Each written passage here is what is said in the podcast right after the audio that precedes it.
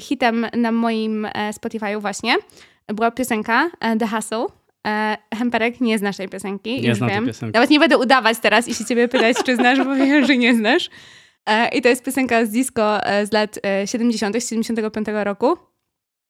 I to jest moja w ogóle go-to song, jeśli na przykład mam totalnie zły dzień, totalnie najgorszy dzień. Ja sobie wrzucam The Hustle i jest takie ty, ty, ty, ty, ty, ty, ty, ty, ty. Ty, ty, ty, ty, ty, ty, ty, ty. I jest takie do the hustle. Ty, Myślę- ty, ty, ty, ty, ty, ty, ty. Myślę, że teraz wszyscy słuchający od razu mają w głowie, a to ta piosenka. Tak.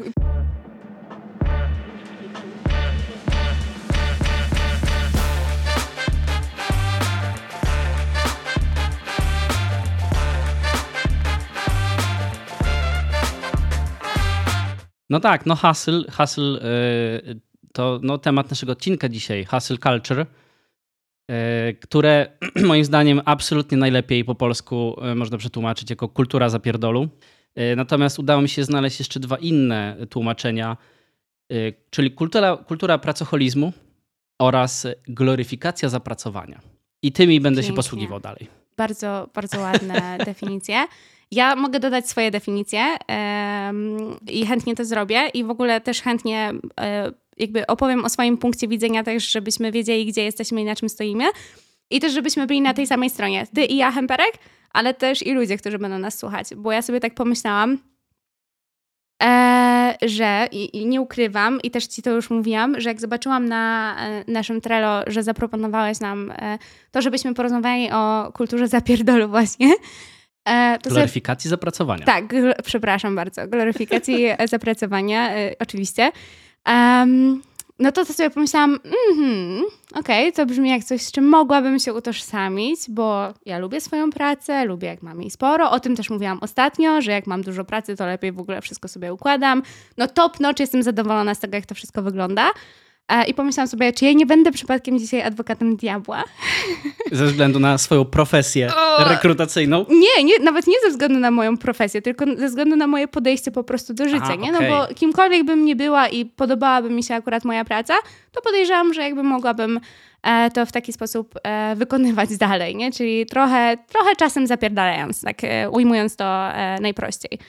I Nie, może to- trochę zbyt brutalnie. To, to, to pod tym kątem to absolutnie ja się zgadzam, ponieważ yy, no ja też nie jestem bez winy. Ja, ja też yy, No. rzeczywiście popadałem. To dokładnie tak samo, mówiłem o tym w poprzednim odcinku, Si. że wstawałem wcześnie rano, e, pracowałem i w zasadzie każda chwila, która nie była poświęcona na pracę, czyli na realizację jakiegoś projektu, czy rozwój jakikolwiek, e, uznawałem za straconą, więc to rzeczywiście jest absolutnie z definicji podejście e, gloryfikacji zapracowania.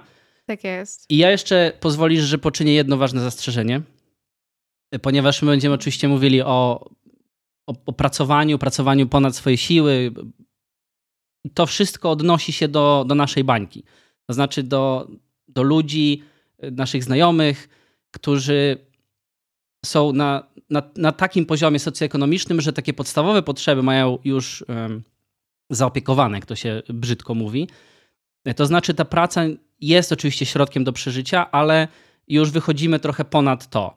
Ponad Więc ten poziom e, minimum, przetrwania, Tak, powiedzmy. ponad ten poziom przetrwania, dokładnie. E, W związku z czym dla nas ta, tak naprawdę ta praca staje się stylem życia, można powiedzieć, Mhm. a oczywiście są ludzie, którzy muszą po prostu bardzo dużo pracować, tylko i wyłącznie po to, żeby przeżyć. Mhm. I to się, to o czym będziemy mówili, oczywiście nie odnosi się do nich. To takie zastrzeżenie na początek, żebyśmy wiedzieli, w jakim, w jakim miejscu się znajdujemy. No i no, hustle culture. No, co można powiedzieć na ten temat? Y, Zjawisko generalnie raczej sentyment w internecie ma negatywny. Mhm. Tak jak zauważyłem, e, to wśród, znaczy w, pewnych kręgach jest to bardzo istotna część właśnie e, tożsamości ludzi, którzy uważają, że praca to jest, to jest tak naprawdę ich definiuje i pracują bardzo dużo. Ale pojawia się bardzo dużo głosów, które mówią, że no, nie jest to do końca e, takie pozytywne zjawisko i, i może należy przystopować. No i postaramy się jakoś e, tutaj oba te spojrzenia chyba uwzględnić. Ja chciałam też, y, bo wspomniałaś o tej gloryfikacji pracy i to jest jakby jeden temat. E, drugi temat, który się przejawiał i też jak rozmawialiśmy sobie o tej genezie, e, w ogóle mm, skąd, skąd ta kultura ha, e, hustle, hustlingu tak zwanego chyba, tak? Bo, bo mhm. o tym rozmawialiśmy. Możesz też o tym powiedzieć, bo to jest mega ciekawy aspekt w ogóle związany. Tak, to... To, to, to, to, to za chwilę jakby mhm. w tej części, ale właśnie mm, ta, to, co znalazłam i wydaje mi się, że w sumie może być z tym kompatybilne, to właśnie to, że że hustle culture nawiązuje do kultury ciężkiej pracy, popychania siebie i przekraczania swoich limitów i granic, by zdobyć na przykład bogactwo, odnieść sukces, e, dobrobyt, etc. No tak, rzeczywiście tutaj y, to, to przepracowanie, to, prze, to, to przekraczanie swojej granic jest mam wrażenie kluczowe, bo też y, myślę, że trzeba sobie powiedzieć, że ciężka praca generalnie, znaczy taka uczciwa ciężka praca, to nie jest też nic złego. E, ale hustle culture jako, jako takie, czyli ta gloryfikacja zapracowania, e, nie jest wcale, wcale nowa. I generalnie słowo hustling, hustle e, pojawiało się już e, wielokrotnie właśnie w różnych, no ty wspomniałaś o tym utworze, to z lat 70. było, tak? Tak jest. E, ono, jak, jak czytałem, ono zmieniało swoje znaczenia. Tam, tam to było inne znaczenie akurat w tym przypadku. Właśnie. To w ogóle też oczywiście jakby zależało mi na tym, żeby zrozumieć, czy jest tam jakieś powiązanie, połączenie. Nie, tam chodziło w ogóle o to, że to jest jakiś hiszpański, hiszpański taniec latynoski więc e, to jest inna kwestia, nie? Ale si. Nawet w języku angielskim ono e, miało różne znaczenia. Mhm. Natomiast ten, ten taki hustling właśnie w rozumieniu robienia rzeczy, e, bardzo dużo różnych, takiego zbierania tak naprawdę tych, tych, tej, tej całej swojej pracy, on się już pojawiał wielokrotnie. Tam, ja, ja trafiłem akurat na, na wzmianki, na przykład właśnie w 2006 roku Jay-Z w swoich piosenkach rapował e, o tym, że, że hasluje.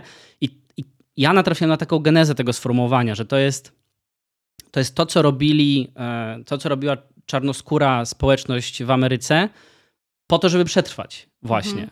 I bardzo uważam, to jest ironiczne, że to miało takie, to miało pozytywne konotacje wewnątrz tej społeczności, to znaczy oni uważali, no tak, w, takim, w takiej rzeczywistości żyli. Oni musieli tak robić, żeby rzeczywiście móc przetrwać.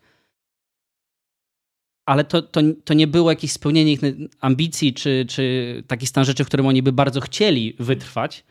A teraz y, przyjmuje się taką definicję właśnie, która bardzo gloryfikuje tego, mhm. typu, e, tego typu pracę, gdzie ma się etat i ma się jeszcze trzy inne zajęcia, z których się tak, dokładnie, sidekicki czy tam mhm. side hustle właśnie, szczególnie w czasach postpandemicznych.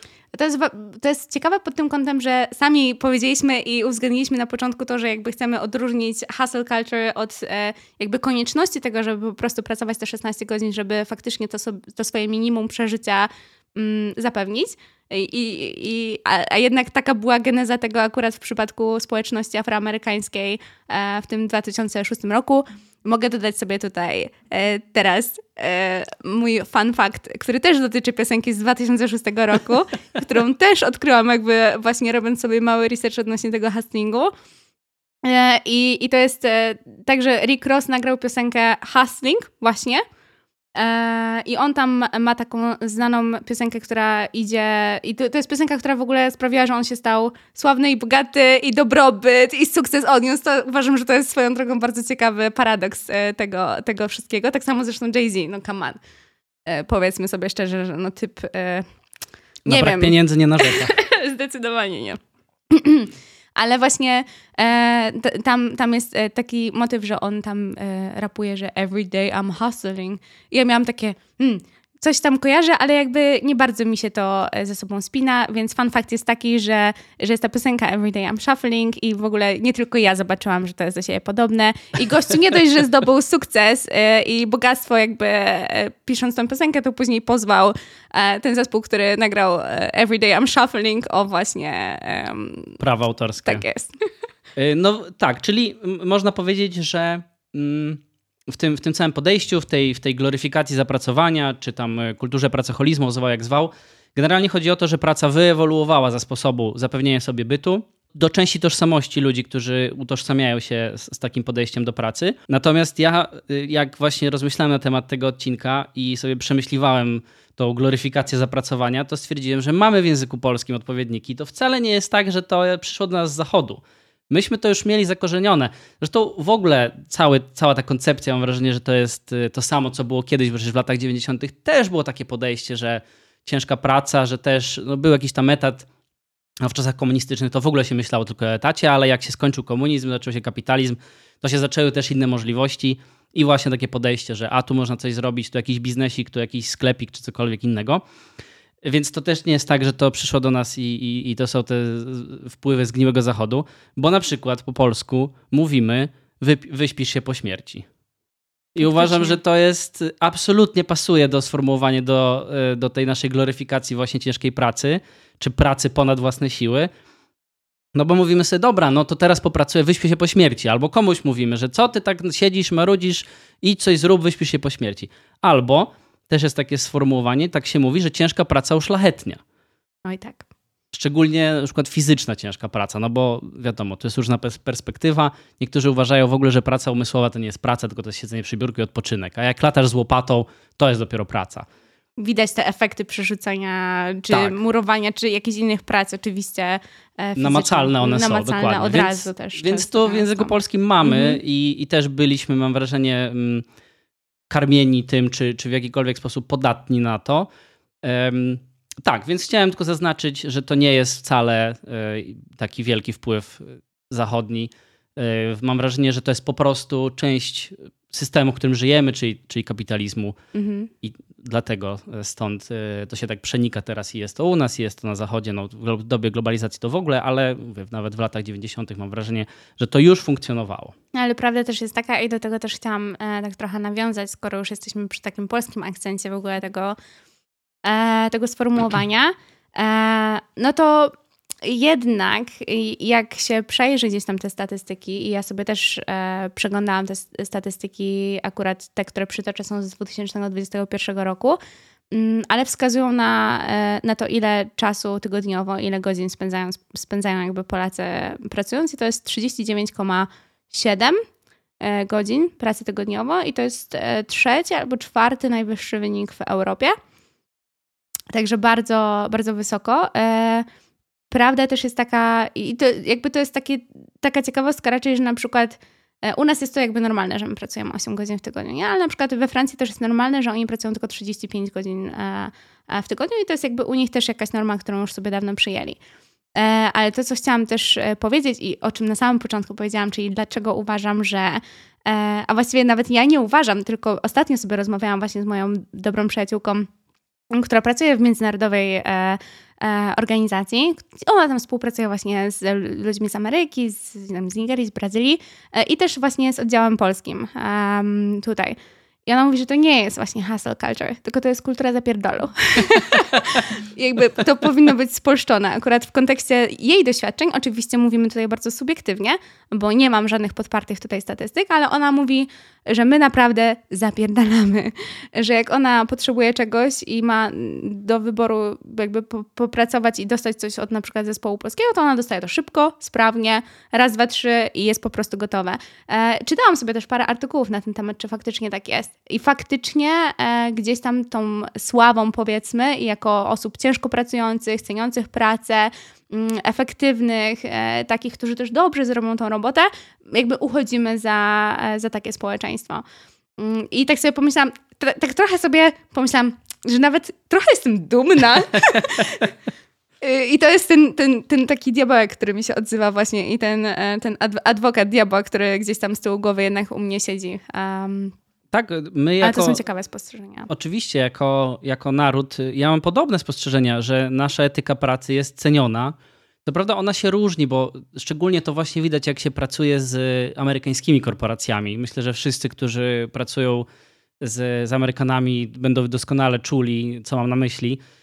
To, to my mamy wysoką etykę pracy, mamy wysoką efektywność, natomiast oni, mam wrażenie, to mają na zupełnie jeszcze innym poziomie trochę. To znaczy, oni My dostarczamy szybko, my dostarczamy dobrej jakości rzeczy, natomiast właśnie u nich przebija się mm, takie trochę bieganie jak kurczak bez głowy. To znaczy, ty, ty musisz po prostu robić mhm. i ten efekt Twoich działań schodzi na dalszy plan. Mam wrażenie, że to jest też istotne rozróżnienie. Tak jak mówiłem wcześniej, ciężka praca ok, bo jeżeli ona przynosi, znaczy ciężka, mądra praca, praca, która przynosi efekty, jest w porządku i też nie widzę nic złego w tym. Problem się zaczyna właśnie wtedy, moim zdaniem, kiedy, kiedy idziemy trochę za daleko, mhm. kiedy ta praca właśnie staje się, staje się stylem życia. I tutaj mam taką anegdotę.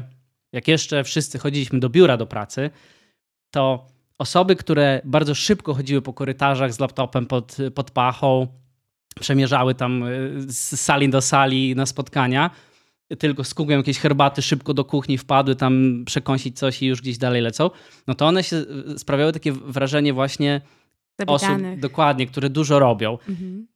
To czasami tak rzeczywiście było, że te osoby dużo robiły, yy, natomiast wiem też, że zdarzały się takie osoby, które po prostu w ten sposób się poruszały, tylko i wyłącznie po to, żeby tak wyglądać. No bo to jest istotne jednak, żeby wyglądać na zapracowanego, gdy, yy, gdy są podejmowane decyzje na przykład jakiejś redukcji zatrudnienia, czy, czy podwyżkach, czy czymkolwiek, co wpływa na, na, na pracę, no to dobrze jest jednak, żeby zostać zapamiętany jako ta osoba, która szybko chodzi. I o tyle mnie to bawiło, że bo to się odbywało w firmie, w której jednym z doradców chyba, albo, albo nie wiem, członkiem zarządu, nie wiem, trzeba było to sprawdzić, był polski olimpijczyk Robert Korzeniowski, mistrz chodziarstwa. To nie był przypadek. No właśnie tak się zastanawiałem, czy to, to był przypadek. To nie był przypadek. Co ciekawe, tak zupełnie w oderwaniu od tego, że, że, że ci ludzie, którzy chodzą szybko są postrzegani jako tacy zapracowani, e, ta firma no LuxMed, bo to w sumie można sobie zobaczyć, gdzie tam Robert Korzeniowski e, jest i pracuje. E, ta firma robiła w ogóle warsztaty właśnie z Robertem Korzeniowskim, jak szybko chodzić. One nie miały oczywiście takiego, takiego tła, żeby wyglądać zapracowane, czy mam nadzieję przynajmniej. Ale myślę, że to można było z tego wynieść sobie e, na boku. Y, taki, no, w taki tym bonus. kontekście teraz, jak zapodałeś, to już nie ma innego wyjścia po prostu, Hemperek. Nawet jak o tym nie myśleli na początku, to teraz... To teraz zaczną. To teraz zaczną. Jak oczywiście przesłuchałem ten podcast. Jak przesłuchałem ten podcast, tak, oczywiście. Ale tak. Ja tak chciałam do tego nawiązać, bo, bo, bo, bo mówimy teraz o tych takich... Um, żałuję, że sobie nie zapisałam też tego, ale, ale czytałam o tym, bo mówimy teraz o takich właśnie, um, o tym kulcie pokazywania tego, że jest się zarobionym, jako właśnie o takim, że że wiesz, że ciężko pracujesz i musisz to pokazać, że ty ciężko pracujesz i właśnie biegasz. I przecież Japonia chyba jest naj, naj, naj, najbardziej znanym przykładem i tutaj nie będzie to jakieś tam e, odkrycie Ameryki, kiedy znowu jakby przyto, przytoczymy ten, ten, ten przykład, ale przecież tam to jest tak mile widziane, kiedy ktoś na przykład uś, uśnie e, na biurku, bo jest przecież taki przepracowany, że przy biurku śpi i, i w ogóle. I tam są budowane przecież całe e, przestrzenie, które, gdzie biuro jest połączone z sypialnią jeszcze na dodatek i ci ludzie spędzają tam nie wiadomo jak dużo, e, dużo pracy. Jest, jest też określenie japońskie, którego właśnie nie zapisałam niestety, więc nie przytoczę go, które po prostu e, jakby oznacza śmierć z przepracowania. Oni mają tak, na to tak, czytałem o tym też. Mhm. Osobne, osobne słowo. E, to nie jest śmierć z przepracowania, to jest jakieś dane słowo, które mam nadzieję nigdy w języku polskim się nie pojawi jako, e, jako słowo nowo utworzone. No, ale to, to jest e, bardzo ciężkie. Tak, ciężki no, temat. To jest, to jest właśnie te, te cienie, no bo jak się zastanawiałem nad, nad, nad tą kulturą właśnie, którą uważam za szkodliwą, to chciałem to też powiedzieć jasno, Uważam, że takie podejście do pracy jest absolutnie szkodliwe i e, co by nie mówił profesor Matczak, nie, nie utożsamiam się do końca z tym, co on powiedział. Tam okej, okay, można polemizować, można się w jakiś sposób odnieść i, i oczywiście też uważam, że bez pracy e, o, bez kołaczy. pracy nie ma kołaczy właśnie, kolejne. Więc oczywiście tak, natomiast może nie w, aż w takim ekstremalnym natężeniu. Natomiast w ogóle to podejście do, do życia, tak naprawdę, jak, jak zacząłem o tym czytać ze strony osób, które wyznają tą kulturę, czyli które uważają, że, że to jest droga do sukcesu i do, do dostatku, to zauważyłem dużo punktów wspólnych w ogóle z takim podejściem mm, niemalże religijnym. To znaczy, ta kultura ma swoich guru, ta kultura Mm, ma pewne zasady, którymi się powinno kierować i one moim zdaniem potrafią być bardzo, bardzo szkodliwe. Na przykład y, takie podejście, że ponieważ to, jakimi ludźmi się otaczasz, jest tak fundamentalnie istotne dla Twojego sukcesu, w tym, w tym e, wypadku zawodowego, finansowego, to Ty jesteś zmuszana niejako przez tych właśnie guru do tego, żeby ludzi, którzy stoją Tobie na drodze tego sukcesu, odsunąć. No i to może przybierać takie formy, że możesz się rozstać po prostu ze znajomymi, którymi tam znasz, czasami się spotkasz. To może być y, negatywne, może nie, no to są jednak znajomi, ale to może też niestety dotyczyć na przykład rodziny. Dlatego, że ty uważasz, że musisz właśnie pracować tak bardzo, bardzo długo, że ty, jeżeli nie będziesz tego robiła, no to po prostu sukcesu nie osiągniesz, podczas gdy twoje życie tak naprawdę cały czas biegnie y, i w tym życiu są też inne osoby. Y, I słyszałem, to, to była wypowiedź, którą normalnie słyszałem gościa ze sceny, jak opowiadał, że jeżeli twoi rodzice ci przeszkadzają w osiągnięciu sukcesu, czyli powstrzymują cię na przykład, żebyś nie pracował, to odetnij ich, bo oni cię ciągną na dół. No i to jest, to jest dramat po prostu. Jakiś, y, jakiś kompletnie, mam wrażenie, wypaczenie właśnie idei, która z pozoru wydaje się być interesująca i ciekawa, i wykrzywienie jej do, do jakiejś takich absolutnie karykaturalnej postaci, która jest w stanie w bardzo, bardzo negatywny sposób na twoje życie wpłynąć. No chyba, że no, że ci rodzice na przykład byli, no wiesz, mówili e, co będziesz robił? Albo nie wiem, co innego. Nie, no, wiem. Albo mogli na przykład mówić, e, no nie wiem, jakieś takie toksyczne zachowania mieć. Oczywiście. Nie? Na takiej zasadzie. Nie, Ale no to... podejrzewam, że mimo wszystko nie taki był mm, tak, wybrzmienie tego. Dokładnie. Tam nie mhm. było rozróżnienia na to, czy to jest toksyczne, czy nie toksyczne. Oczywiście nie, no to toksyczne to jest, to jest, to jest inny to jest temat. Inny temat. Mhm. Mówię o takich, o takich po prostu takiej relacji. No nawet, nawet w, w związku tak naprawdę, y, to, to się też często przewija, bo generalnie mam wrażenie, e, przynajmniej w internecie tak to wygląda, że te, te, temu czarowi e, kultu pracy e, jemu poddają się głównie mężczyźni. I też są takie wątki, gdzie, gdzie oni piszą, że kurczę, co ja mam zrobić, bo na przykład moja dziewczyna narzeka, że my nie spędzamy czasu, no ale jak ja mam spędzać z nią czas, jak ja robię swój startup i ona tego nie rozumie, że, że to wymaga poświęceń i że to ona też się musi poświęcić i tak dalej. Więc nie mówię tutaj absolutnie o takich toksycznych relacjach, tylko to po prostu może prowadzić do, do odsunięcia ze swojego życia ludzi, którzy w nim być powinni, którzy tak naprawdę te osoby wspierają i poświęcenia de facto tych relacji na poczet być może jakiegoś sukcesu finansowego, no, który jak wiadomo, on może przyjść, może nie przyjść, okay. może y, się go uda osiągnąć, ale te pieniądze znikną, no to, to są tylko pieniądze, a tutaj Rozumiem. mówimy o, o kończeniu relacji. I to jest te, ten właśnie ten guruizm taki, czyli bardzo bezkrytyczne patrzenie na osoby, które wyznają to.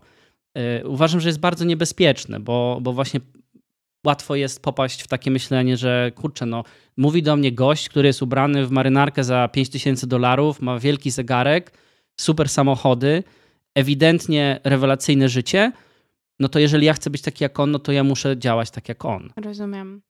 Okej, okay, zgadzam się z tym, że może to być mega, mega niebezpieczne. Z drugiej strony jest. Dzisiaj akurat czytałam i dzisiaj wpadłam na, na taki post. To jest osoba, która zajmuje się bezpośrednio VC, czyli po prostu e, współpracą i finansowaniem jakby startupów. E, i, i, I on tam powiedział, że jeśli napisał, że jeśli no ktoś nie jest w stanie zaryzykować e, i poświęcić się temu startupowi, i to nie było w kontekście jakby, jakby relacji rodzinnych, absolutnie nie. Chodziło tutaj raczej o poświęcenie swojego etatu na poczet startupu, który na przykład te osoby chcą rozwijać, no to to, to nie wyjdzie prawdopodobnie, nie? bo te osoby nigdy nie będą miały jakby tego sfokusowania się, skoncentrowania na, na tym rozwoju. No i to jest tak jakby kij ma dwa końce, nie? No bo mm, ryzyk fizyk, jak już jesteśmy dzisiaj przy, w, w takim, tak, w takim modzie, e, żeby sobie o tych przysłowiach mówić. I nie wiadomo na ile ciągnęlibyśmy i rozwijali się jako cywilizacja, gdybyśmy sobie nie stawiali w jakiś sam sposób tych ambitnych celów, nie? Um, więc e, rozumiem oba podejścia. Oczywiście, oczywiście tak. Y, y, ja myślę, że nie ma nic złego w takim podejściu, czy, czy w takim napisaniu. Oczywiście, że trzeba podjąć ryzyko. To, mhm. jest, to jest jasne. Żeby osiągnąć jakiś sukces, bardzo często trzeba je podjąć. Y, natomiast moim zdaniem to jest, to jest właśnie duża pułapka, dlatego że tutaj kluczem jest wyważenie tych proporcji, bo też rzeczywiście ten, ten hustle culture, to, to gloryfikowanie zapracowania, trzeba sobie powiedzieć jasno, że jakkolwiek ja czy my uważamy, że jest toksyczne i szkodliwe, to, to jednak przynosi efekty. To znaczy, rzeczywiście, nawet jeżeli pracuje się ciężko, nie, może nie do końca optymalnie, może nie do końca y, właśnie stawia się nacisk bardziej na efekty tej pracy, tylko na sam fakt jej wykonywania, to i tak w jakiś sposób do tego celu się dochodzi. I myślę, że to też bardzo często mm, powoduje, że ludzie właśnie popadają w to, y, w takie podejście tak łatwo. Mhm. Czyli ta obietnica tego sukcesu, który, który przyjdzie i tak wiele przykładów ludzi, którzy mówią, no tak, ja tyle pracowałem i ten sukces osiągnąłem, co uważam też y, jest wątkiem samym w sobie, dlatego że jak słucham tych ludzi, jakich oglądam, no to oni oczywiście prezentują się bardzo dobrze. No ale później przychodzi taka refleksja, że ja w sumie wyciągam wnioski i na przykład, gdybym chciał pójść w stronę takiego podejścia do pracy, takiej kultury pracy, to zmieniłbym swoje życie na podstawie jakiegoś filmiku na YouTubie czy kilku postów na Instagramie. I myślę, że ta rola właśnie social mediów w tym wszystkim jest absolutnie e, dominująca, dlatego że gdyby nie to, że my możemy śledzić ludzi, którzy, których uważamy za ludzi sukcesu, cały czas oglądać ich posty, w których oni wrzucają tak naprawdę najlepsze wycinki z tego wszystkiego, to ta kultura nie rozpowszechniłaby się, mam wrażenie, aż tak bardzo. Znaczy, no nie byłaby tak powszechna, jak jest y, obecnie w tych czasach. E, pełna zgoda. E, dlatego nie mam Instagrama. Ale rozumiem i tak, y, absolutnie zgadzam się z tym, że wpływ social mediów jest bardzo toksyczny i bardzo, bardzo trudno jest e, odróżnić to, co jest po prostu realne e, i co się kryje w ogóle za tym wszystkim, co jest przedstawiane, nie? E, zawsze musimy pamiętać i ja to jakby z, też mam z tyłu głowy, już bez znaczenia, czy chodzi o social media, czy nie o social media, ale za każdym człowiekiem stoi jego historia. E, I tak długo, jak nie jesteśmy tym człowiekiem i nie wiemy, co się działo, działo dzieje, jak to wszystko wygląda, jakby są, jakie są kulisy tego, jak, jak to e, powstaje, albo jak ten sukces powstawał, co się z tym wiązało, no to tak długo po prostu tr trudno jest ocenić, e, jak, jak to. Mm, jak czym jesteśmy tak, i czym jesteśmy w stanie przypłacić ewentualnie ten sukces. Więc tak. oczywiście e, ja tutaj dalej, będąc jednak częściowo adwokatem diabła, e, myślę, że chciałabym powiedzieć, że i to jest mm, jakby moja w ogóle dywiza ży życiowa, że każdy oczywiście powinien żyć tak, jak mu się podoba. Nie? Każdy powinien swoje priorytety w jakiś tam sposób ustalić e, i pomyśleć e, nad tym, co, co jest wartościowe i do czego, do czego chcemy, chcemy dążyć ostatecznie. E, więc jasne, dzisiaj będziemy rozmawiać o tym, że to jest bardzo e, trudne, toksyczne, że niektóre zachowania mogą być e, toksyczne i warto może zwrócić na nie uwagę, ale są też pewne zachowania, na które, które moim zdaniem są bardzo mm, dobrym drogowskazem, kierunkiem y, i widzę, że te rzeczy na przykład się zmieniają. Um, ja, Co masz na myśli? Na, na przykład, e, jak ty mówiłeś właśnie o tym takim zapracowaniu i o tym właśnie, że e, no, że jeśli ktoś będzie tam łoił te 16 godzin, to jakby e, to jakby będzie ta obietnica tego sukcesu. A ja sobie pomyślałam, hmm, pracuj mądrze, a nie ciężko. I, I, to jest może coś, z czym warto się w ogóle utożsamić. Ostatnio, jak rozmawiałam też o tym, o czym będziemy dzisiaj rozmawiać z moją koleżanką, to ona powiedziała, że jej narzeczony e, ma takie podejście, e, że on nie pracuje, on zarabia. na przykład. Okej, okay. no fajne, podoba Bardzo się. Bardzo fajne podejście. I na przykład kolejnym aspektem, który uważam, że jest takim e, mega dla mnie przyjemnym i w ogóle jest to e, coś, co uważam, że jest właśnie takim światełkiem w tunelu co do tego, w którym kierunku powinniśmy zmierzać i mam nadzieję, że to robimy. To jest no teraz trochę znowu ubiorę pewien stereotyp, ale um, wydaje mi się, że to może być pokolenie Z, z którym stykam się coraz częściej. I mam tutaj jakby znowu takie dwubiegunowość związane jakby z tym pokoleniem, bo to jest pokolenie, które ma tam lat 21, 22, 20 do 25. Zazwyczaj są to osoby, które już mają albo studiują e, i pracują już zazwyczaj zawodowo, albo mają już 25 lat i 4 właśnie lata doświadczenia. To są, to są te mityczne osoby, które są później szukane przez rekruterów, e, gdzie, mają, gdzie są młodym, dynamicznym zespołem tak. i mają 10 lat doświadczenia.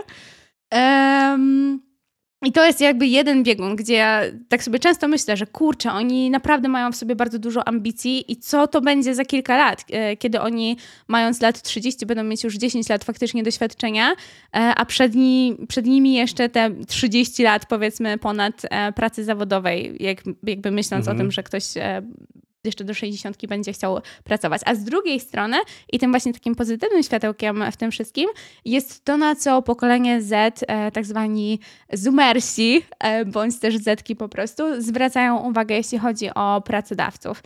Mm, I na przykład ja sobie zapisałam, że, i bo, bo, też o tym czytałam, moja koleżanka też pisała o tym pracę magisterską e, na studiach, I akurat ją czytałam, bo gdzieś tam się wymieniałyśmy e, informacjami.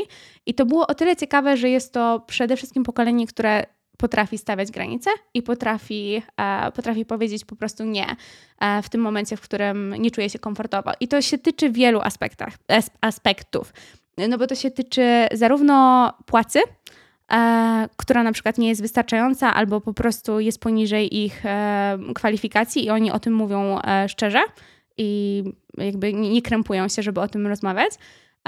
To się tyczy też zostawania na przykład po godzinach, wtedy kiedy nie czują, że jakby dlaczego i po co. To jest e, też związane z tym, w jaki sposób się pracuje. Właśnie jakby Zetki nie chcą pracować dla pracy. Oni chcą pracować do jakiegoś na przykład efektu, albo do jakiegoś projektu, do jakiegoś wyzwania.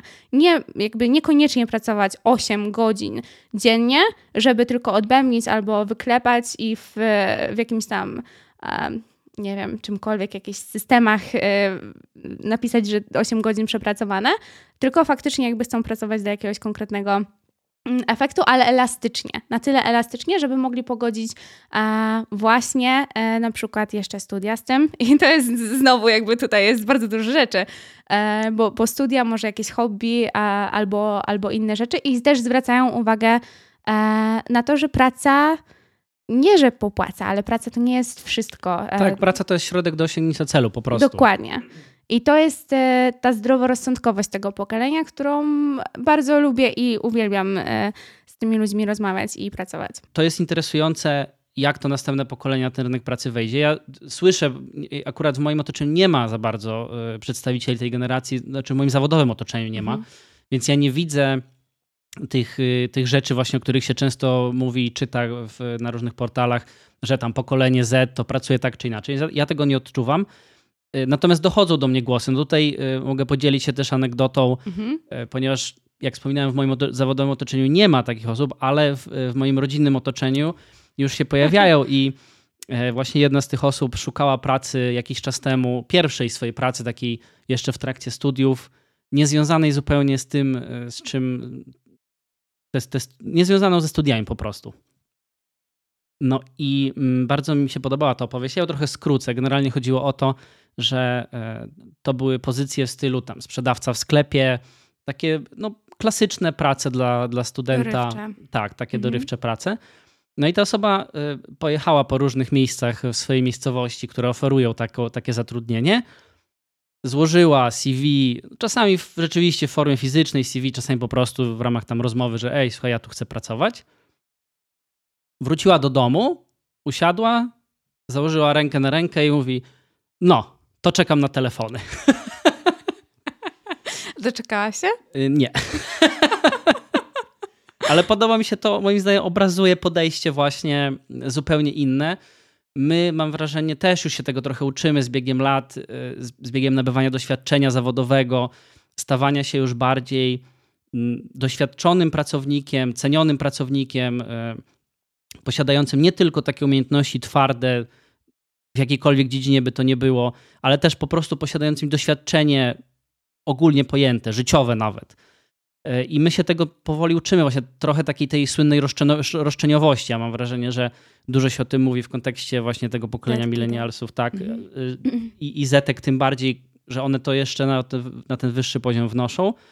No ale mówi się, że milenialsi są roszczeniowi. Ja mam wrażenie, że nie, tak bardzo właśnie jak, jak można być jeszcze, że jeszcze zobaczymy ten, tak. tą falę dopiero Oj. roszczeniowości, to ona jest przed nami. Mam nadzieję, nie? Bo z drugiej strony przed nami jest też recesja i kryzys e, e, pracowniczy, który już e, czuć bardzo mocno, z mojej perspektywy to widzę, ale to są e, może... Takie przyjemne takie tematy przyjemne na inny tematy, raz. Tak. E, mam nadzieję, że ta roszczeniowość będzie tylko i wyłącznie rosła. E, absolutnie jestem, jestem fanką, nawet jeśli oczywiście jestem po stronie pracodawcy bardziej niż pracownika z, z uwagi na swój własny zawód, e, to mimo wszystko myślę, że rynek pracownika w ogóle i to, że ta roszczeniowość zaczęła e, się pojawiać, bo zaczęła się po prostu pojawiać jakiś czas temu właśnie z, z uwagi na, na niskie bezrobocie, e, to, to to jest klucz do sukcesu i do tego, jak właśnie zdrowo pracować i jak te relacje ze sobą budować. Nie? Dużo się o tym mówi właśnie w kontekście tego, że branża IT w ogóle to jest ta branża taka taka usłana różami i mhm, właśnie tak. jednorożcami, nie? Tak. że tam to jest po prostu kokosy się zarabia i pod palmą się pracuje. No mój, dzi mój dzień dzisiaj tak dokładnie wyglądał. Ja pojechałem na jednorożcu pod palmę, położyłem się na leżaku, jadłem taką tęczową chmurkę Jasne. i, i no, tak, tak oczywiście tak to wygląda. Jest to, jest to bardzo duża hiperbolizacja, e, ale prawda też jest taka, że mimo wszystko e, jest to jedna z tych branż, która moim zdaniem biedzie prym, e, jeśli chodzi o podejście do pracownika. Szczególnie widząc, jak pracuje na przykład moja siostra, mój brat albo osoby gdzieś tam w innych organizacjach, nie? Więc Oczywiście, Więc to nie, jest no, też e, wiadomo. ciekawy koncept. Tak, tak, tak. Zupełnie poważnie to yy, praca w tej branży jest, jest przyjemna i faktycznie yy, jeżeli od jakiejś branży, mam wrażenie, zacznie się taka, taka re rewolucja, w cudzysłowie to nazwijmy to, to od tej, tak. Mhm. Zdecydowanie. Yy, powiedz mi, czy na przykład taka koncepcja brania życia we własne ręce, czy do ciebie przemawia, czy tak średnio? Przemawia. Przemawia do ciebie ta koncepcja? Tak, znowu robię, znowu jestem po tej drugiej stronie. E, nie, nie, nie, nie, absolutnie. Do przemawia. mnie też ona przemawia. Przemawia do mnie. No nie rozumiem, dlaczego miałabym nie brać. Jakby kto inny weźmie moje życie e, w ręce, jak nie ja sama. No ale właśnie e, absolutnie zgadzam się z tym. Nie ma innej osoby, nikt inny nie weźmie tego nie. życia w, w, w ręce. Natomiast ta maksyma w ogóle, właśnie ona bardzo, bardzo mocno przemawia. Tylko odnoszę wrażenie, że im właśnie im więcej masz doświadczenia, czyli jakby im dłużej się nad tym zastanawiasz, nie wiem, czy to wynika z, z charakteru, czy właśnie z wieku, czy z czego, to ty bierzesz taką maksymę właśnie o branie życie we własne ręce i już przestajesz na nią patrzeć w taki idealistyczny sposób. Czyli załącza się taki, taki, no taka wątpliwość. No dobra, no okej, okay, tylko że ja już na przykład pracuję, nie wiem, tam 5 lat, mam prawie 30, no i biorę to życie we własne ręce, Ty ale... już masz 30, co udajesz? No dobra, no no kurde, już myślałem, że się jakoś... Nie. Nawet Kontynuuj. 31 niedługo. Przepraszam. nie, nie, nic nie szkodzi. Chodzi mi o to, że mm, ta maksyma jest, jest pociągająca. Mhm. Rzeczywiście y, fajnie sobie tak powiedzieć, wyeliminować te czynniki zewnętrzne właśnie, na przykład szczęścia y, w twoim sukcesie, no bo, bo fajnie jest pomyśleć, że to ty zbudowałaś ten sukces. No rozumiem. Ale z drugiej strony właśnie ja biorę to życie we własne ręce i dalej tego efektu. Nie widzisz. Znaczy, może nie, nie widzę, ale mam wrażenie, że na, na poziom brania życia we własne ręce mógłbym ten efekt widzieć większy. Okay. I chodzi mi o to, że w momencie, kiedy mm, zaczynasz się nad tym zastanawiać bardziej, przynajmniej ja do takich wniosków doszedłem, to masz coś takiego, że to jest, to jest bardzo fajne stwierdzenie i należy to robić. Oczywiście należy, nie należy swojego życia przeżywać biernie, należy być w nim pierwszoplanową postacią i ja się z tym zgadzam bardzo mocno. Natomiast jeżeli po powiedzieć coś takiego osobie młodszej, która właśnie nie ma jeszcze takich doświadczeń, trochę nie ma, nie ma tej perspektywy, to, to to jest bardzo podatny grunt do tego właśnie, żeby stwierdzić, że aha, okej, okay, czyli ja im mocniej pracuję, tym mocniej biorę we własne ręce. Mhm.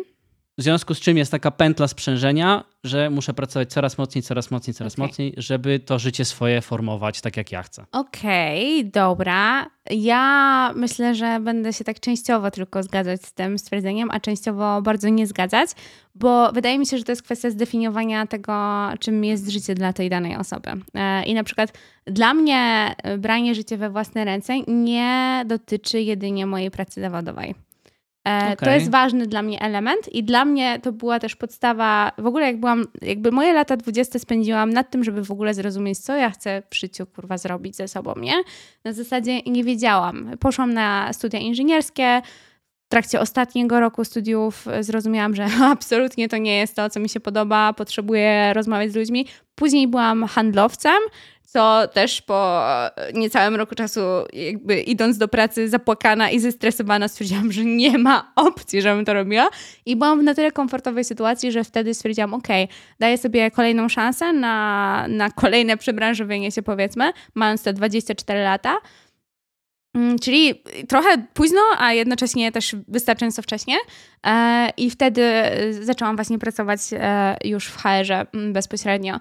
E, I dla mnie to było istotne, kiedy myślałam właśnie o swoim życiu, jak chcę je przeżyć, że chcę po prostu robić rzeczy, które mi się podobają. Ale chcę też być szczęśliwa. I dla mnie branie życia w swoje ręce jest bardzo powiązane właśnie ze szczęściem bezpośrednio. I ja sobie wtedy myślę, ok, co sprawi, że będę szczęśliwa? To, to, to i to.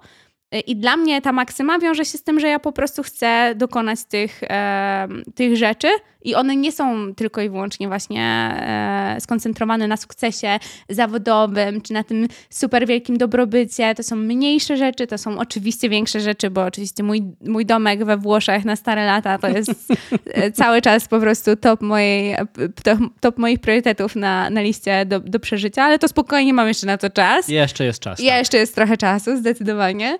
E, ale wydaje mi się, że to zależy od tego kontekstu, który się po prostu temu nada, nie? E, więc może to być toksyczne, kiedy mówi o tym guru, które jest ubrane, ubrane.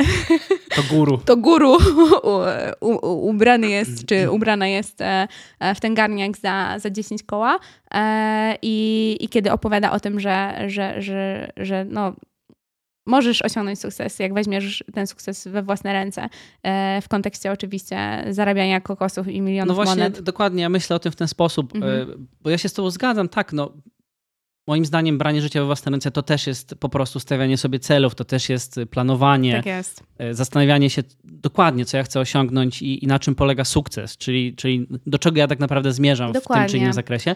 Tylko właśnie ja tego nie widzę w, w, tej, w tej gloryfikacji pracy. Ja widzę bardziej Y, to, co dla ciebie jest celem, tak jak powiedzieliśmy, że praca dla nas jest po prostu możliwością zarobienia pieniędzy, żeby spełniać inne swoje marzenia czy zachcianki, dla ludzi, którzy wpadają w tą pułapkę, ona się staje celem samym w sobie. I to, to jest właśnie ten, ten problem, moim zdaniem. Okay. I mój problem z tym stwierdzeniem, i, i mój problem e, z tym podejściem. Bo ja mówię, bardzo chętnie, oczywiście, bierzcie wszyscy życie w swoje ręce, tylko, że zdefiniujcie, mam wrażenie, sobie najpierw, co, to znaczy, istotne. tak, co to znaczy odnieść sukces, mhm. bo, y, no bo te definicje po prostu mogą być różne i osoba, która stoi właśnie na tej scenie przysłowiowej i mówi o tym, co według niej jest tym sukcesem, to nie zawsze wie, co tym sukcesem będzie dla każdego, kto tej osoby słucha. Tak, znaczy no, ona na pewno będzie nakierowana na jakiś konkretny tak. sukces, I tam nie będzie przekazać. żadnych wątpliwości. I tam, I tam, też nie będzie żadnego sentyment, y, sentymentalizmu i... E, takiej empatii e, tak, towarzyszącej tak, temu, tak. że jesteśmy różni, nie? Więc warto faktycznie sobie to przefiltrować. Ale skoro już jesteśmy przy tym temacie, to też mam taki plot twist, no bo co z powiedzeniem? Bardzo Kolejne znanym, powiedzenie? Bardzo znane. Wow, podoba mi się. Właściwie to nie jest powiedzenie, to jest cytat. E, okay. Kogoś... E... Albert Einstein. Nie Einsteina. nie wiem, nie będę nawet próbować zrozumieć e, i, i powiedzieć i udawać, że wiem e, czyje. Na pewno da się to wygooglować. E, wybierz pracę, którą kochasz i nie przepracujesz ani jednego dnia więcej w swoim życiu. I czekaj, najśmieszniejsze jest to, bo tutaj też mam e, zabawną historię, że szukając tego cytatu, e, jak brzmiał jakby w, w, całości, żeby nie było, że sobie coś przeinaczyłam, to znalazłam go na stronce zatytułowanej 9 cytatów najbardziej motywujących do pracy. Mhm. I pomyślałam, hmm, no to zależy. No to właśnie ja odpowiedział na ten cytat Jaki jest najlepszy sposób na to, żeby swoją ukochaną piosenkę znienawidzić? ustawić ją sobie na dzwonek na budzik. Wow! Ja dokładnie tak podchodzę do Ale tego to nie jest tak samo. To jest, nie, jest nieprawda. tak to samo. nie jest tak samo. To jest najgorsze, co można zrobić, ale naprawdę uważasz, że to jest to samo? Tak, Naprawdę? tak. Absolutnie uważam, że to, znaczy to zależy oczywiście jak to rozumiesz. Bo dla mnie to jest po prostu e, jak tworzenie listy na Spotify, którą później masz na repeacie i powtarzasz najgorsze, najgorszym, najgorsze momenty. Albo po prostu podoba ci się piosenka i, i tam wiesz, cały czas replay, replay, replay i słuchasz ją i później ci wyskakuje na podsumowaniu, że słuchałeś tej piosenki przez e, 1200 razy w ciągu I to roku. jest te, ten cytat, to jest dla ciebie? No. No, że wiesz, że to jest pozytywne, że jakby jak lubię swoją Mhm. pracę, to mogę pracować i że, że wtedy nie przepracuję ani jednego dnia, bo to jest dla mnie takie że Mm. fajnie się to robi. Nie, nie, to w ogóle, to znaczy ja rozumiem, rozumiem to Koncept, podejście, rozumiem no. ten koncept, tak. I, I to znowu, i to moim zdaniem dla mnie to wpada w tą samą kategorię właśnie jak branie życia w swoje ręce. No, rozumiem To jest, to. to jest bardzo fajne koncepcyjnie. Mhm. Że tak, oczywiście, jak masz, pracujesz, zrobisz swojej pa- ze swojej pasji pracę, to nie przepracujesz dnia w życiu. Mhm. Tylko, że to nie jest prawda. Bo nie jest, to po prostu fizycznie nie jest możliwe, Mhm. żeby w 100% ze swojej pasji uczynić pracę. Bo nawet przypuśćmy, będąc YouTuberem, modny oczywiście zawód, tak bardzo, bardzo pociągający, jesteś sama sobie szefem, tworzysz te filmiki, wiele osób idzie tą drogą i mówi, że o, bo oni mają taką pasję nagrywać te filmy. To znowu, w którymś momencie, do któregoś momentu rzeczywiście to jest zabawa. I do któregoś momentu to rzeczywiście samo kręcenie sprawia ci przyjemność i ten wynik finansowy tego kręcenia to jest po prostu efekt uboczny, bardzo przyjemny, ale jednak efekt uboczny, bo tobie zależy na posiadaniu y, po prostu takiego fajnego hobby, a że ono jeszcze przynosi pieniądze, no to tym lepiej. Mhm. Ale w którymś momencie to przestaje być już takie fajne kręcenie filmików beztroskie i to się po prostu zaczyna praca, bo ty masz kontrahentów, umowy, Rozumiem to. jakieś y, reklamy. To naprawdę nie trzeba daleko szukać. Mhm. Y, jeden z, z bardziej popularnych kanałów y, w Polsce chyba, y, nie wiem, 10 lat temu, czyli Abstrahuję. Jak się posłucha rozmów z nimi, to to dokładnie mniej więcej taki obraz się rysuje, że oni to oczywiście zaczęli dla frajdy. No nikt nie zaczynał YouTube'a w 2010 roku, bo wiedział, że Dla z tego będą zysku. pieniądze. Tak, Jasne. dokładnie. Zaczynał to dlatego, że po prostu było to coś nowego, coś fajnego, pociągającego i było dużo zabawy zrobienie tych filmów, ale w pewnym momencie dochodzi się do poziomu, w którym to już nie jest, to już nie jest zabawa, to już, to już się staje twoją pracą. No i wtedy dzieją się, moim zdaniem, mogą się zdarzyć dwie rzeczy. Albo idziesz w to i tracisz pasję do tego i po prostu twoja pasja, taka, którą miałeś wcześniej, przechodzi w pracę i godzisz się z tym, zarabiasz w ten sposób pieniądze i wszystko jest w porządku. Albo nienawidzisz, nienawidzisz tą pasję po prostu Okej. i nie chcesz już w ogóle tego dotykać i mówisz, dobra, dzięki, ja tą firmę sprzedaję, przestaję to robić.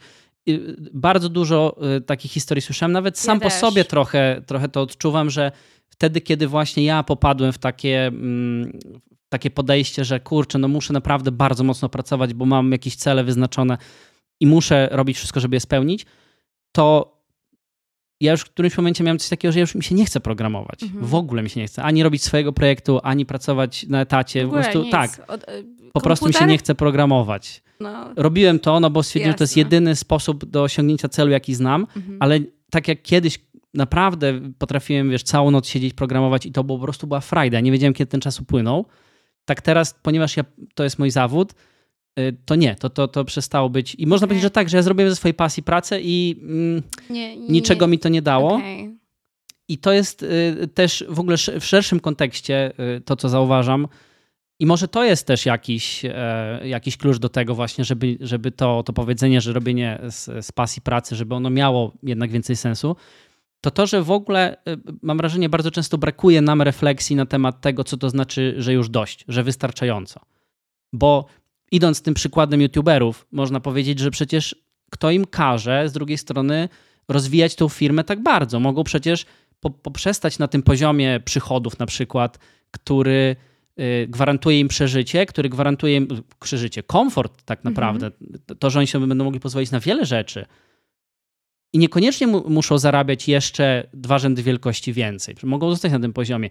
I widziałem to wiele razy w kontekście y, nawet po prostu firm, w których ja pracowałem, że czasami wśród na przykład założycieli tych firm było słychać taki mm, taką nostalgię, że kurde, jak zaczynaliśmy tam ileś lat temu, to mieliśmy 20 osób, wszyscy się znali, było super, wiesz, świetna atmosfera, firma się kręciła, było ok. I gdzieś po drodze tego, tego rozwoju właśnie, ja rozumiem, no tak się rozwija firmy, to, to zupełnie osobny wątek, ale, ale pasuje im po prostu do tego, że nie, nie myśli się właśnie o tym, że kurde, może, może ja wystarczy mi, jakby miał to firma 20 osób, mam dobry przychód z tego, wszystko jest ok, nie muszę ciągnąć tego i rozwijać tego tak bardzo, mm. bardzo mocno, aż po prostu sky is the limit. Okej. Okay. Okej, okay, no dobra, to było bardzo idealistyczne i naiwne z mojej strony, tak sobie myślę o tym, nie? E, znaczy, ja na szczęście jeszcze tak nie mam. Nie mam jakiegoś takiego wypalenia e, zawodowego związanego, chociaż no czasami zdarzają mi się takie dni, nie? I mówię sobie, dobra, chyba już wystarczy tego. E, ale może też jakimś komfortem i, i sposobem, o czym też się w sumie zaczyna dość mocno mówić, e, to jest właśnie, nie wiem, czy to jest jakby oficjalna nazwa, ale wydaje mi się, że to jest polywork, czyli po prostu mm, nabywanie różnych kompetencji a, w swojej pracy. Mhm. Mm, może właśnie w jakimś środowisku. Na przykład są nie wiem jak to się oficjalnie też nazywa, ale są organizacje, które robią na przykład takie turnusy. E, turnusy. To brzmi jakby ktoś e, jechał, jechał do sanatorium. E, ale są takie turnusy, że na przykład na trzy miesiące e, możesz po miesiąc popracować jakby w innym dziale, żeby zobaczyć na przykład jak one, te działy w ogóle funkcjonują, jak one pracują, żeby osoby, które wiesz, jakby są już sprawdzone, są już w organizacji i długo już tam e, pracują i, i są z tą kulturą obeznane, to są wartościowe osoby, e, że może też pokazać im, jakie mają inne drogi. Nie, nie tylko jakby rozwoju pionowo, czyli po prostu pię, pięcia się wzwyż, bo nie każdy też musi być liderem, nie każdy musi być e, gdzieś tam właśnie piąć się w, tej, w, te, w te po szczeblach, po szczeblach kariery. kariery tak, wysoko, tak. on może zmienić tor na przykład, nie? jeśli ma na przykład taką ochotę i o tym się też na przykład dużo mówi i to wydaje mi się, że może być jakiś sposób akurat na to wypalenie zawodowe, ale to jest jakby też trochę może inny temat e, z tym związany, nie? E, więc tak trochę już zboczyłam. Konkludując te, to, to, ten wątek tego robienia z pasji pracy, nie. Nie do końca. A czy tak nie, nie, nie. 3 na 10? Mocne 3 na 10. Mocne 3 na 10. Ja trafiłem się na taki paradoks w ogóle też y, do tego podejścia, że w momencie, kiedy ty jesteś w tych takich najbardziej produktywnych latach swoich, czyli właśnie tych, tych latach dwudziestych, jak to się teraz y, ładnie określa, zakładasz, że wtedy właśnie poświęcisz ten czas na, na, no, na drapanie, takie kruszenie tej skały sukcesu i, i, i osiąganie go. Co znowu, z jednej strony ma bardzo dużo sensu, no bo jednak jesteś, jesteś młoda, młody, dużo siły, dużo czasu, mało zobowiązań zazwyczaj. Ale z drugiej strony to też jest właśnie kwestia perspektywy. Z drugiej strony tracisz trochę ten czas, który można było poświęcić na przykład na poznawanie, doświadczanie, na to, żeby no, podjąć takie ryzyko, że, że, że to ty w takim razie poświęcasz to, i będąc na przykład w wieku 40 lat już tą wielką firmą z tym wielkim sukcesem, to ty wtedy zaczniesz żyć. Rozumiem. Czyli odraczasz sobie to i, a nie do końca...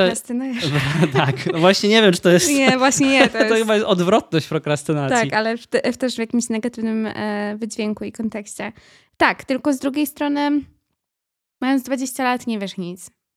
Później jak masz lat 30 też nie wiesz nic tak na dobrą sprawę. Na czym ci zależy, co chcesz robić. Jesteś przekonany, że masz jeszcze dużo czasu i możesz wszystko. Nie jestem o tym przekonany w ogóle. No, o, ilości czasu, która jeszcze Tak, właśnie odwrotnie zupełnie. Okay. No dobra, ale tak to jest trochę, nie? Że jakby masz lat 20 i no i po prostu jeszcze nie wiesz dużo rzeczy. No, ja nie jest... wiedziałam, co, co mam robić w swoim życiu, kim być, dokąd w ogóle zmierzać. E, I jest to jakiś komfort, kiedy mam te lat prawie 30 i wydaje mi się, że, że już wiem, w jaki sposób chciałabym przeżyć e, resztę swoich dni, jakkolwiek by to nie brzmiało e, tragicznie. Ale no musiałam się nauczyć i popełnić dużo błędów, nie? Więc to jest tak, że znowu nie chciałabym, żebyśmy wpadali w ten moralizatorski ton, nie? A, a wolałabym żebyśmy właśnie przedstawiali tą perspektywę, znowu, żeby móc pozwolić ludziom na to, żeby sobie reflektowali nad tym, ale pracowanie jest też jak najbardziej okej, okay, nie? I czasami trzeba wypracować te 16 godzin. nie żartuję, nie trzeba, nie? Ale chodzi mi o to, że, e, że Czasem może nawet warto właśnie, żeby, żeby sobie uświadomić, co jest dla ciebie istotne. Zdecydowanie. Zgadzam się z tym, co powiedziałaś, e, chociaż uważam, że to właśnie, że, że w wieku lat 20 jeszcze nie do końca wiesz, to jest argument za tym, żeby nie... Próbować. Tak, żeby próbować, żeby nie nie pójść tylko jedną ścieżką, tak. tylko i wyłącznie. Dokładnie. Natomiast oczywiście, że tak, praca 16 godzin sama w sobie nie jest zła. To, to, to y, samo takie zjawisko nie jest złe. To wszystko chodzi o, y, moim zdaniem, kluczowy jest kontekst w tym wszystkim.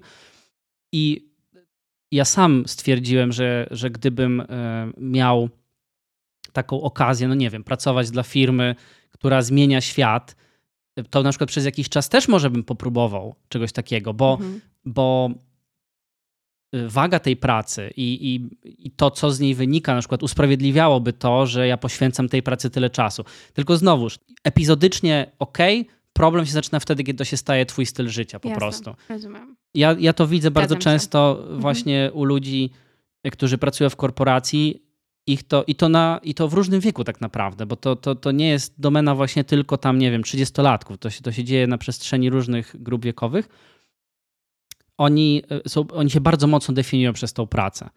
Ja mam wrażenie, e, bo to też a, a propos powodów e, uciekania w tą pracę, mam wrażenie, że to jest swego rodzaju taki eskapizm, czy może być na przykład tak, tak swego rodzaju eskapizm, gdy na przykład orientujesz się, że kurczę, no w sumie hobby nie mam, bo to, to oglądam serial na Netflixie i to w sumie tyle. Mhm. Znajomych jakiś mam, no ale powiedzmy, no nie wiem, żadnej takiej relacji, która dawałaby mi jakoś ogromnie dużo szczęścia, czy, czy była dla mnie bardzo ważna. No i zostaje mi tylko ta praca. Czyli de facto wypełniasz sobie tą y, jakąś tam pustkę, którą masz y, w, zupełnie w, w oderwaniu od tej pracy, po prostu tą pracą. Czyli w nią uciekasz na przykład. No. Różne są te powody, bardzo różne są Grube. te powody. Grube.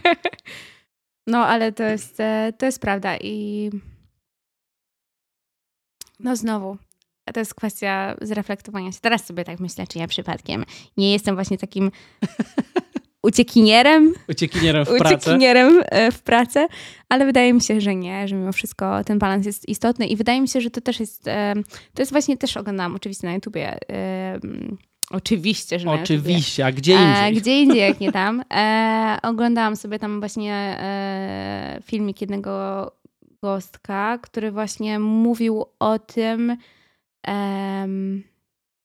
i przytaczał słowa mm, badaczy, którzy jakby stwierdzili, że ostatecznie no i tutaj nie będę znowu żadnymi liczbami niestety strzelała, ale chętnie e, wrzucę źródło do tego filmiku. Um, że ostatecznie e, okazuje się, że najbardziej szczęśliwymi ludźmi, najdłużej żyjącymi w zdrowiu e, są osoby, które przede wszystkim dbają o relacje. Bo jakby jesteśmy jednak e, zwierzęciem społecznym e, i musimy o tym pamiętać, że gdyby nie społeczeństwo, to prawdopodobnie Homo sapiens w ogóle by nie, nie przeżył na tej planecie i my zostaliśmy trochę wychowani jako zwierzęta stadne a trochę jakby uciekamy teraz w izolację, szczególnie w tym okresie, kiedy jesteśmy postpandemiczną e, generacją i jest to bardzo trudne przestać się izolować, kiedy przywykliśmy już tej, do, do, tej izolacji, kiedy jest też kult jakby pracy już stricte zdalnej. Ja nie mówię, że to jest w ogóle zła praca, ja sama tak pracuję i bardzo to lubię, ale lubię też chodzić do biura od czasu do czasu. Wszyscy wiedzą, że wtedy zazwyczaj e, skupiam się na tych relacjach bardzo mocno. E, więc e, więc wydaje mi się i jakby konkludując, ja y, uważam się jednak nie za uciekiniera, bo, bo, bo o te relacje... Szybka diagnoza. tak. Uf, fiu. Dobra, odhaczone. Uf, dobra, to nie jest, to nie jest eskapizm. Serpa, To dawaj następną serca. może. Kolejna diagnoza, kolejne, dobra, dajesz, kolejne, dajesz. Kolejne powody. Przeżyję Mam jeszcze na przykład um, spełnianie ambicji, takie chorobliwe, czy chorobliwych ambicji na przykład. Jakie to są chorobliwe ambicje? No no jakie to są chorobliwe ambicje? Dawaj, zobacz, czy mam na swojej liście ambicji. E, no to znowu to są takie ambicje posunięte do absolutnego ekstremum, e, czyli nie można zrobić pracy dobrze, trzeba ją zrobić idealnie. Tak. Okej, okay, rozumiem. Czyli nie można znowu osiągnąć sukcesu jakkolwiek mhm. finansowego, czy statusowego, czy jakiegokolwiek innego po prostu. Tylko top of the top. Tylko top of the top. W ogóle nie ma się po co schylać po mniej. Mhm. Okej, okay, dobra. Odhaczone. Odhaczone, tak? Chcesz tutaj zrobić sobie szybką diagnozę? Czy... Nie, wszystko się zgadza. Wszystko jest bardzo okay. dobrze. No, bardzo dobrze. E, no i o, to jest w ogóle, mam wrażenie, często występuje. Nie odnoszę tego do ciebie w tej dawaj. chwili. Nie, nie, nie, naprawdę no nie odnoszę dawaj. tego do ciebie. E, tylko jak myślę sobie teraz, jak to czytam, jak, jak sobie wspominam właśnie ludzi, z którymi pracowałem też, to bardzo często to widziałem. Czyli mnie. No z tobą też pracowałem, ale to nie, nie akurat Dajesz. w tym kontekście. E, czyli potrzeba poczucia się ważnym. Okej. Okay. Która może się brać oczywiście znowu z różnych rzeczy, ale między innymi na przykład z poczucia własnej wartości, które jest niskie. Widziałem to wiele razy. Wiele razy to widziałem naprawdę wśród ludzi, to się często objawia na przykład takim bardzo toksycznym stylem zarządzania, że masz jakiegoś przełożonego, A. który... A, to uff. No dlatego mówiłem, że wcale nie odnoszę tego do ciebie, tylko generalnie po prostu do ludzi, których widziałem e, Rozumiem. w, różnych, mhm. w różnym układzie w pracy, że, że bardzo często właśnie taką potrzebę e, te osoby wypełniały nie oceniam tego, to znaczy nie, nie chcę tam powiedzieć, że, że to jest jakiś najgorsza rzecz na świecie i w ogóle to sobie powinny przemyśleć całe swoje życie. Natomiast no, będąc po tej stronie, która przyjmuje coś takiego, no to, to nie jest jednak miłe, kiedy, kiedy czujesz, że na przykład jakieś decyzje czy, czy, czy podejście do ciebie jest e, takie tylko i wyłącznie właśnie po to, żeby postawić na swoim. Jasne. No nie, bardzo, po to, nie, nie po to pracujemy zespołowo, żeby ostatecznie no właśnie, mieć jedną żeby nie, rację, tak, żeby nie... moja, moja racja była najmojsza. Dokładnie, tak. A, no, a, a, a spotykałem się z tym po prostu Rozumiem. osobiście sam. E, więc e, no tak, to, to wieńczy moją listę, którą sobie wypisałem, jeżeli chodzi o, o powody. Generalnie, no nie wiem czy wszystkie, ale niektóre z nich przynajmniej można podsumować takim stwierdzeniem, że często e, ta gloryfikacja pracy, popadanie w tą kulturę zapierdolu bierze się z tego, że e, szukamy jakiejś walidacji na zewnątrz. To są właśnie też te, te social media, e, czyli patrzymy na, na swoje życie przez pryzmat właśnie tego, co, co mówią nam inni, co mówią nam Albo co mają coache, inni, jak, albo co mają jak inni. zielony trawnik jest u sąsiada. Dokładnie tak, dokładnie tak. E, I ja w ogóle uważam, że social media to jest źródło wszelkiego zła w tej chwili i to prawda. Chyba, nie, że są jakieś nie. wartościowe, e, edukacyjne kanały. No du, oczywiście, tak, no dużo polecam. jest, wiadomo, ale ja, znaczy ja YouTube'a nie traktuję do końca jak social mediów, raczej Facebooka czy Ale ja Instagram. nawet nie, nie myślę tylko o właśnie YouTubie, tylko na, na okay. Instagrama. Ja mam przefiltrowane, bo ja tak naprawdę mam Instagrama. Co za plot twist. To Czyli on jest, on jest. On jest, ale mój Instagram nie zawiera żadnych treści od moich znajomych albo nawet od jakiej, jakichś influencerów jakby sensu stricte, tylko jeśli od influencerów, to influ, influencerów właśnie... Wartościowych. No nie chcę wartościować ludzi tutaj, ale dla mnie wartościowych treści, mm -hmm. które mi pomagają na przykład. E, I mam e, wrażenie, że faktycznie tak jest. Czy coś Jasne, jeszcze, Hemperek, oczywiście. chcesz e, powiedzieć? Y, nie, wydaje mi się, że że chyba, chyba już swoje, swoje rzeczy wyczerpałem, e, swoje przemyślenia. Oczywiście uważam tak ze, ze wszystkim, to jest temat indywidualny. Myślę, że jak ze wszystkim nieumiarkowanie może przynieść więcej szkody niż pożytku. Niemniej jednak e, warto sobie temat rozkminić i e, no, po prostu dla własnego komfortu i higieny psychicznej zastanowić się nad swoim podejściem do pracy. Ja mówiąc szczerze, jak mówiłem o tym eskapizmie i uciekaniu w pracę, to stwierdziłem, że ja mam podejście dokładnie odwrotne. Ja od pracy staram się uciekać.